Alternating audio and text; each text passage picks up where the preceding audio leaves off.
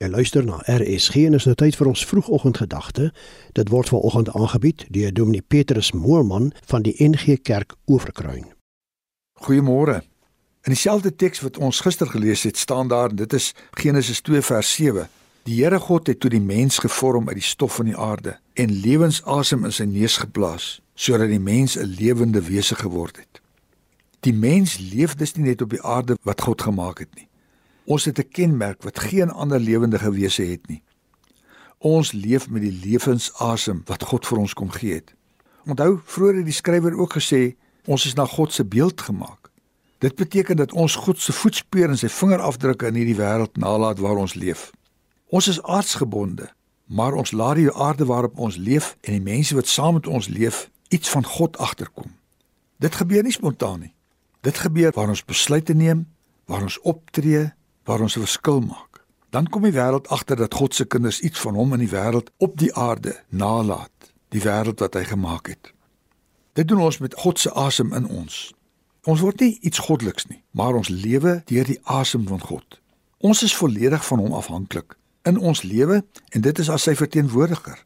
Mense kon sê ons leef van die begin af reeds met die gees of die asem van God.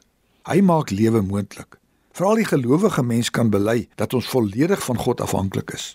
Hy inspireer ons deur sy gees om mens te wees. Ons roeping as mens is om te hoor en te verstaan wat hy sê. En om die roeping te leef, gee hy vir ons sy gees. En dit gee aan ons lewe betekenis, want deel van ons betekenisvolle lewe is om te fokus op God. Ons leef nie vir onsself nie. Ons leef vir hom. Hy is altyd ons fokus.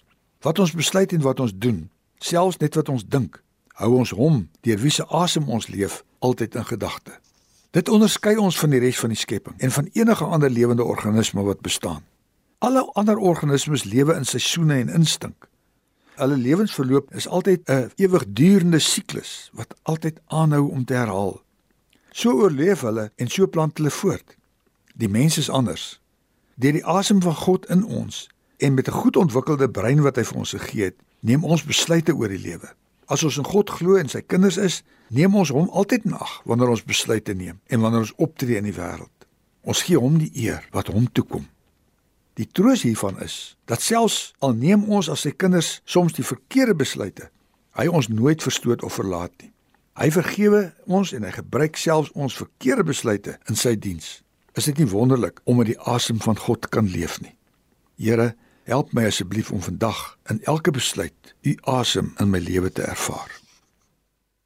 Die vroegoggendgedagte hier op RSG is aangebied deur Dominee Petrus Moelman van die NG Kerk Oeverkruin.